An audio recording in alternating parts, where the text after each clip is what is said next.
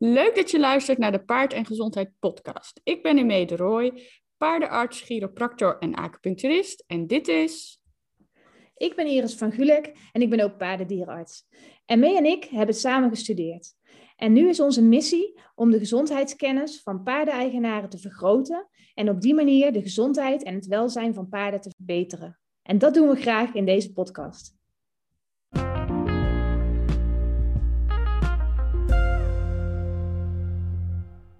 Nou, we hadden laatst een weddenschap of mensen het leuk zouden vinden als we wat gingen vertellen over onze dag of onze week of uh, mm-hmm. over mijn stages. Ja. Volgens mij heb ik gewonnen, dus doe nog een keer.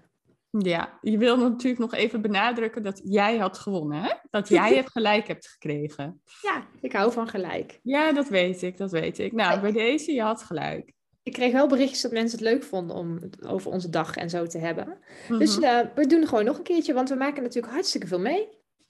Dus we gaan het veel, ja. Uh, over een paar patiënten van de afgelopen week, uh, weken. Ik heb ze een beetje gegroepeerd. Ik wil ook niet dat ze echt heel letterlijk te herkennen zijn.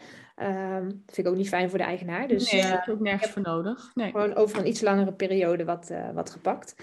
Um, ik heb hem op Insta ook wel gedeeld. Een paard met een echte nare bijtwond aan de onderkant van zijn hals. Hmm. Ja, heb ik gezien, ja. Ja, ik, ik zie niet zo vaak van zulke heftige wonden. Ik zei, toen ik het fotootje kreeg van de eigenaar, zei ik, is hij door een hond gepakt of zo? Wat is er gebeurd? Want hij had precies eigenlijk ja, achter zijn kaak 10 centimeter naar beneden in zijn hals echt een fikse bijtwond. En dat was ook flink gaan ontsteken.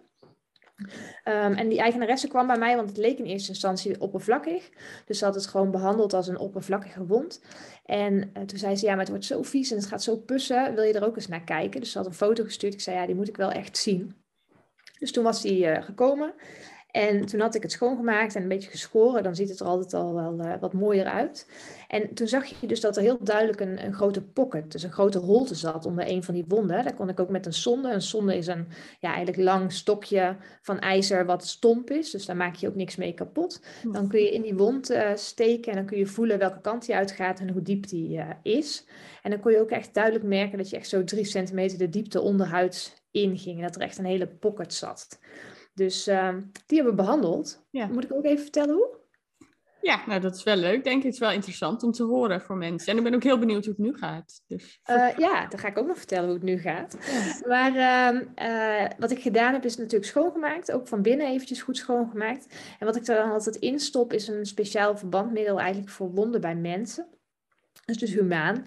En dat zijn alginaten. En alginaten zorgen er eigenlijk voor dat de infectie eruit gaat. Er zit ook zilver in. En zilver is tegen ja, infectie eigenlijk, hè, tegen bacteriën, tegen bacteriën en zo. Zonder dat je antibiotica gebruikt. Dus dat is hartstikke mooi. Um, dat heb ik erin gestopt, echt in dat gaatje. Gewoon echt erin uh, gepropt. Eigenaren denken ook altijd van, oh, dat komt nooit goed. En dat spul, nee. dat, uh, dat lost op.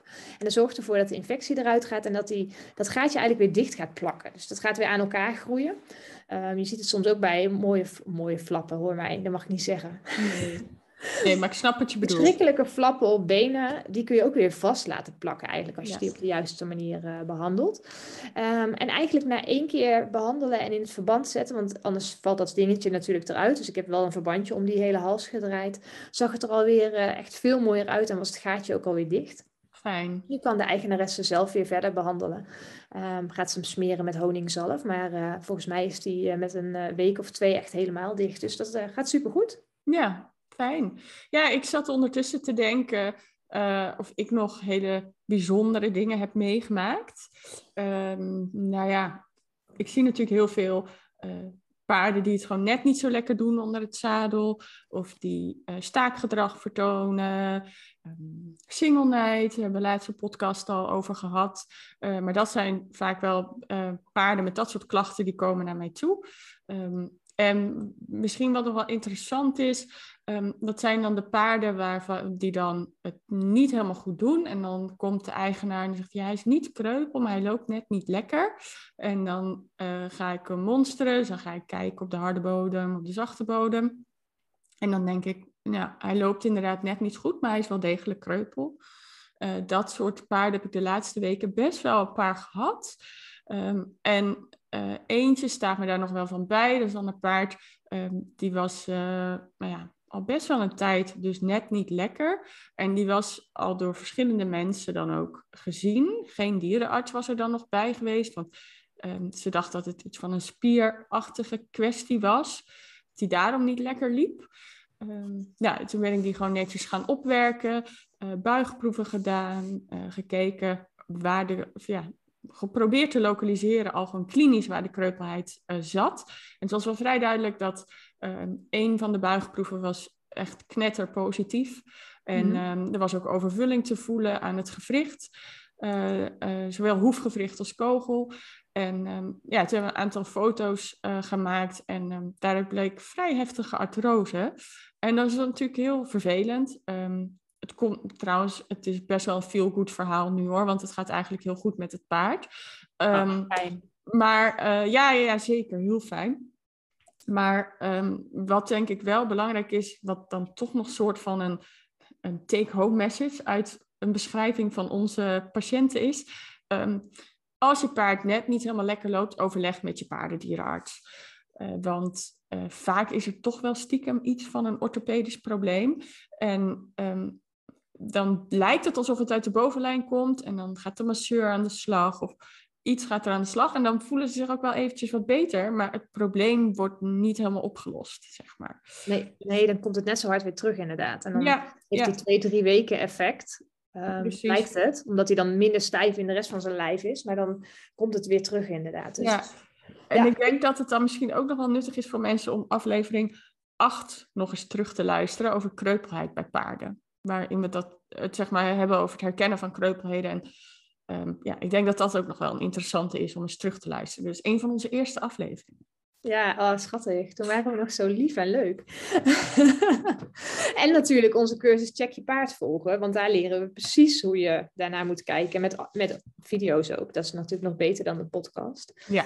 Um, maar ik denk dat dat inderdaad gewoon de echte goede take-home message is. Ik had nog een paardje, of nou een, ik had nog meerdere paardjes met uh, dunne mest en koliekverschijnselen. En waar we dan heel vaak aan denken, en natuurlijk niet zo één op één, maar wel uh, vaak komt het voor dat ze dan zandkoliek hebben. Dus dat ze last hebben van het zand. En wat we nu in deze tijd van het jaar zien, is dat de paarden natuurlijk eigenlijk de hele zomer op een veel te kale wei hebben gestaan. Ja. Nu gaat het gras heel hard groeien. Dus die buik zit waarschijnlijk al vol met zand. En dan gaat het gras ook nog hard groeien. En dan kunnen die darmen het echt niet meer handelen. Dus er zijn nu heel veel paarden met uh, koliek. En dat is heel ja, even voor de mensen die het misschien niet meteen luisteren wanneer we het hebben opgenomen. Het is oh, ja. nu oktober. Het is oktober ja. 2022. Dus dat is meer gewoon voor de. Ja. ja, dat is wel handig om te zeggen, inderdaad. en het is super belangrijk om eigenlijk al te voorkomen dat die paarden last krijgen van zandkoliek. Um, dus ik zou iedereen aanraden die nu in deze tijd van het jaar op uh, een paard heeft gehad die op een korte wijf gestaan, om sowieso preventief uh, een psylliumkuur te geven en ook de mest te testen op zand. Dat zegt natuurlijk niet alles. Uh, maar dit paard hebben we getest uh, met de handschoen en daar zat wel te veel zand in. Dus die was ook wel zand aan het uitscheiden. Um, en het is heel belangrijk om dan voldoende ruwvoer te gaan geven. Dat in ieder geval het zand meegenomen kan worden. En wat ik ook altijd doe, is die paarden toch een keer uh, flink laxeren met olie. Um, dus via een slangetje in de neus olie ingeven, zodat daar ook de mest weer meer mee mee kan. Uh, en er kwam ook echt extra veel zand uit daarna. Dus dat is hartstikke fijn. En dat herhaal ik dan meestal nog na een paar dagen. En soms zelfs nog een keer later, uh, nog na een week of zo. Om op die manier ervoor te zorgen dat de zand er zoveel mogelijk uitgaat. En die paarden moeten ook ja, bewegen. Hoe meer beweging, hoe meer die darmen natuurlijk werken. Uh, soms helpt een ritje op de trailer ook hoor. Op de ja. een of andere manier uh, schudt dat dan allemaal een beetje. ik weet niet hoe dat zo. werkt. Of het is dat de paarden de buikspieren meer aanspannen om een evenwicht te houden natuurlijk. Maar je ziet ook wel dat daarna soms echt veel meer zand eruit komt. Dus ja, heel belangrijk om op deze, in deze tijd van het jaar ervoor te zorgen dat het zand allemaal weer afgevoerd wordt. Want anders ja. kun je echt veel grotere problemen krijgen dan alleen maar een beetje dunne mest. Ja. Uh, ja, dus die zien we ook veel nu in deze tijd van het jaar. Ja, ja en ik denk nog ineens heel snel aan een paard wat ik een aantal weken geleden heb gezien. Um, want nu zei ik net, ik zie vaak paarden met single night. Uh, en dit was ook een paard uh, wat ineens boos was geworden met opzadelen. Daarvoor dat nooit uh, dat gedrag had laten zien. Dus deze eigenaresse had eigenlijk meteen bij het eerste al van, hm, dit klopt niet helemaal. Want het paard deed eigenlijk alleen nog maar de oren in de nek. Mm -hmm. uh, dus nog niet heel heftig, gelukkig.